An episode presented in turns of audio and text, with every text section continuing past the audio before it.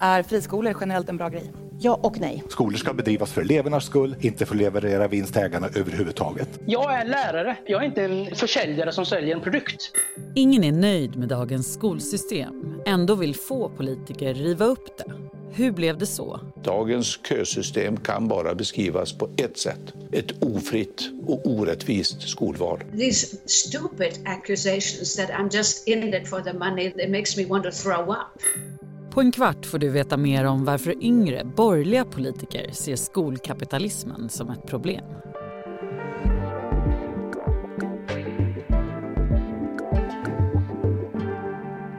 Det är måndag den 14 juni. Jag heter Annie Reuterskiöld. Det här är Dagens Story från Svenska Dagbladet.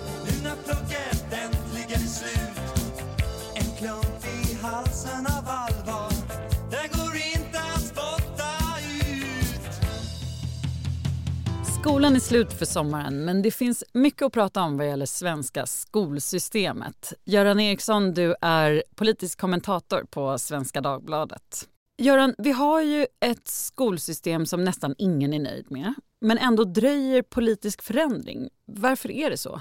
Svaret är att det finns sedan länge en hård politisk låsning mellan blocken i den här frågan. Jag tror, att, jag tror att det beror på att friskolesystemet är en av de mest radikala borgerliga reformer som någonsin har genomförts i Sverige. Det finns ganska mycket prestige i den här frågan. Och när jag säger att ingen nästan är nöjd med det så är det inte en lite slängig formulering utan det finns faktiskt eh, många olika eh, opinionsmätningar som visar det. Bland annat som institutet vid Göteborgs universitet som återkommande mäter opinionen vad gäller vinster i välfärden till exempel. Och sen tio år tillbaka i alla fall så är en majoritet emot.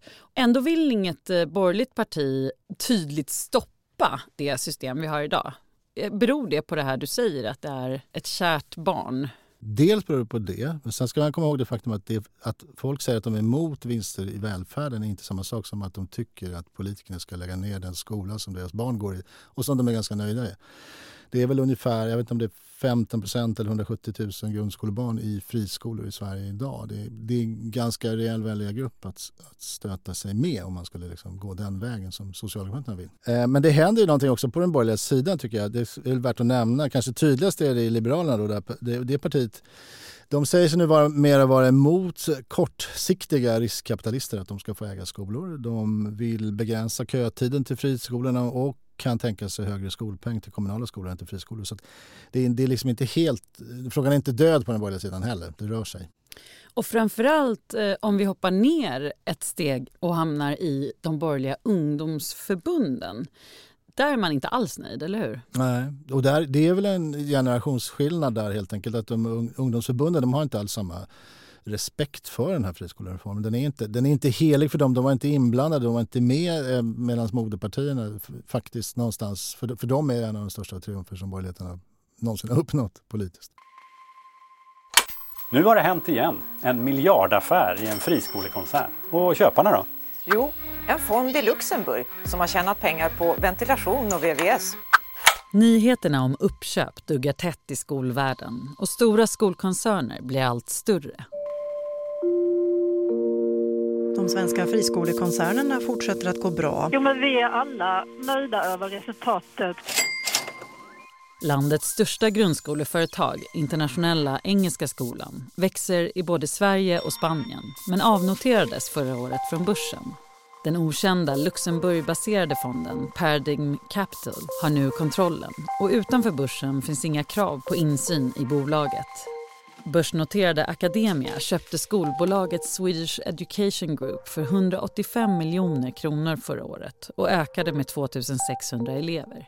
Samtidigt som både Kunskapsskolan och Jensen fortsätter att växa enligt Svenska Dagbladets granskning. Men systemet med skattefinansierade skolor som ägs av riskkapitalbolag får alltså kritik också från borgerligt håll. Bland de första som var ute var ju Benjamin Dosa när han fortfarande var ordförande för MUF, eh, Moderata ungdomsförbundet.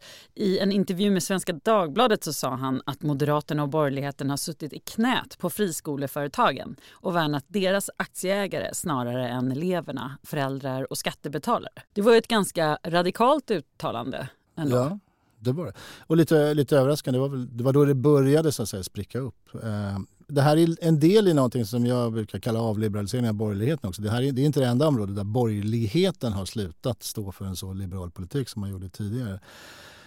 Um, men det är klart att det finns ju fler, alltså flera ungdomsförbund har ju följt efter DOSA sen och också drivit den här linjen. Jag vet att Centerns ungdomsförbund har skrivit ihop med SSU att man vill att man ska göra upp om ändrade regler i friskolan. Så att, Eh, det finns någonting och man, ja, men det, det, är väl också så att ungdomsförbunden är väl de som är närmast verkligheten slash verksamheten i det här fallet. De upplever väl de problem som finns i skolan mycket tydligare. De, de driver ju kampanjer i skolor. De vet ju så att säga vad vad man kan säga på marken. Liksom. Det är någonting annat kanske än vad, än vad moderpartierna. De, de tar nog inte in, de har inte samma input från skolvärlden tror jag. Betyder det att det är en generationsfråga att vi kommer se ett stopp för eh, den här typen av eh, skattefinansierade skolor som ägs av riskkapitalbolag när de blir lite äldre, de här ungdomspolitikerna? Nej, det, jag tror inte att vi kommer se ett stopp för det. Det, det tror jag inte, men jag tror vi kommer se förändringar i hur systemet fungerar. För att de, de här de reagerar ju delvis emot samma saker som, som man gör på vänstersidan. Mot ökad segregation, betygsinflation och sånt där. Men de har ju andra lösningar. Vänstersidan vill ju vad de säger, stoppa vinstjakten i välfärden. Det innebär i praktiken då att aktiebolag inte ska få driva skolor. Det är inte vad de borgerliga ungdomsförbunden vill. Däremot så vill de förändra systemet och det har ju, bara den idén har ju varit omöjlig inom borgerligheten fram till den här mandatperioden.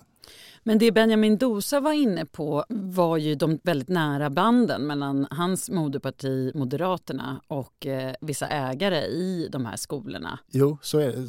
Så, så är, och det tror jag kanske, det är väl också en orsak till att det inte har hänt så mycket. Att det, att det är ganska stumt.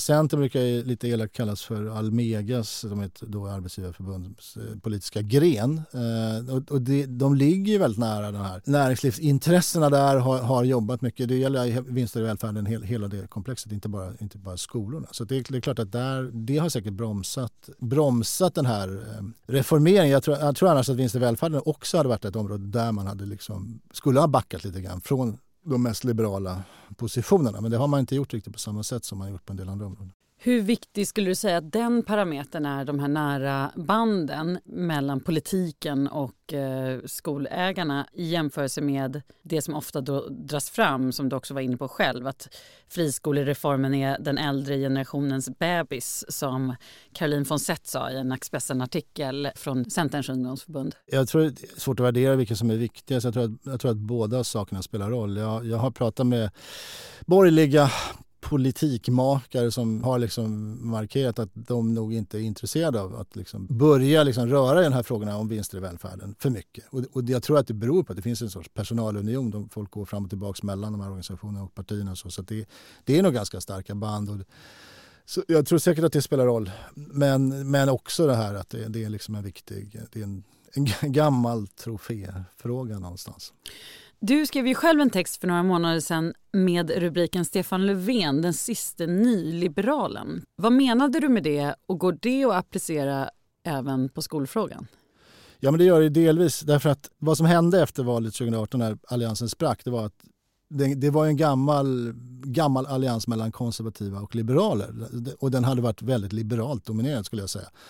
När alliansen sprack så började framförallt Moderaterna och Kristdemokraterna började ganska snabbt överge en del av de liberala positioner som man hade haft tidigare. Det var dels en effekt att man inte behövde ta hänsyn till Centerliberalerna men också förändringar i verkligheten så att säga. Framförallt vad gäller migrationsfrågan har det varit väldigt tydligt. Men, men det finns flera exempel.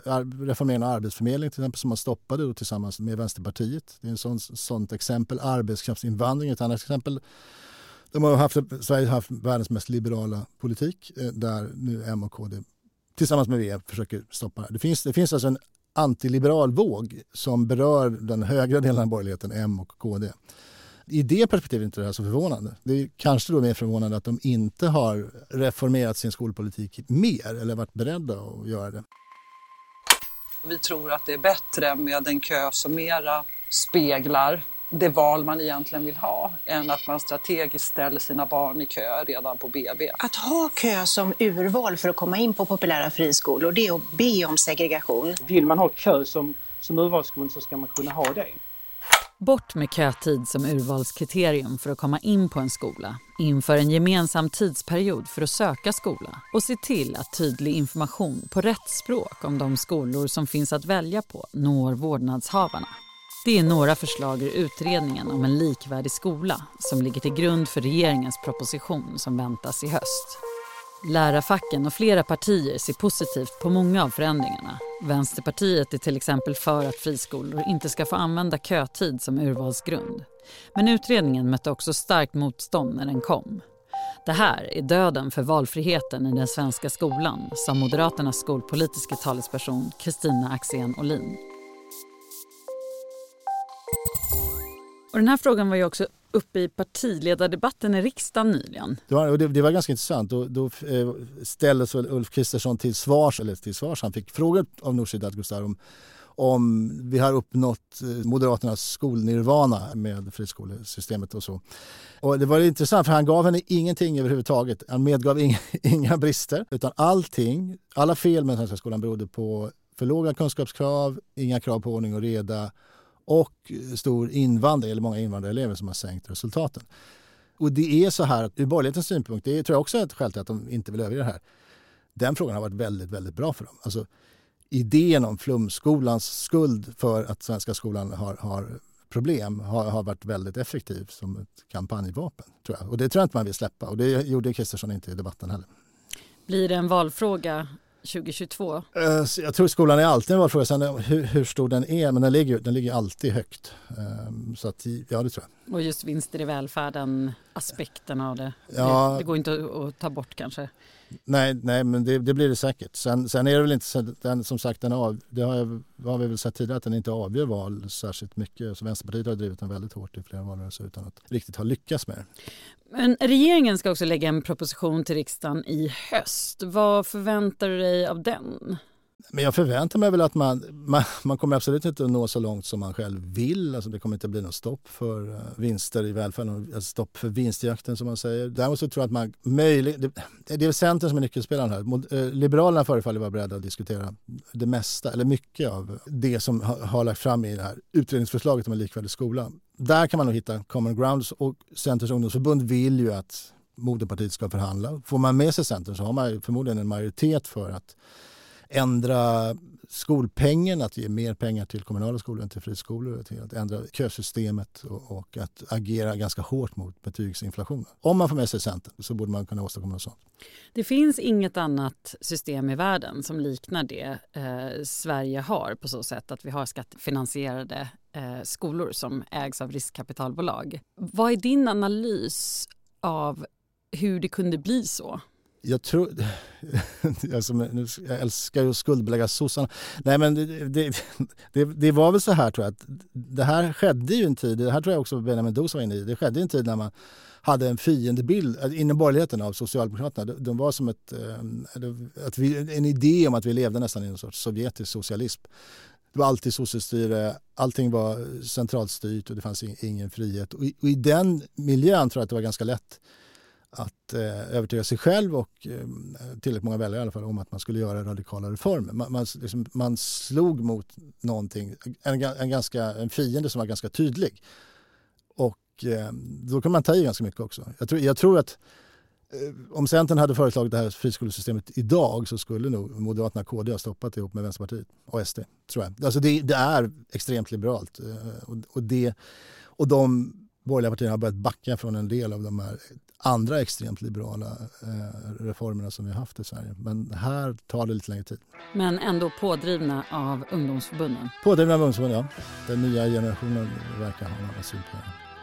Tack Göran Eriksson för att du kom hit. Tack.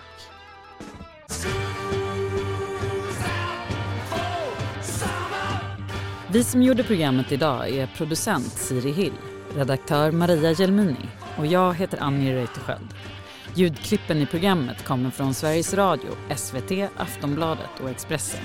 Vill du kontakta oss så mejla dagensstory.svd.se.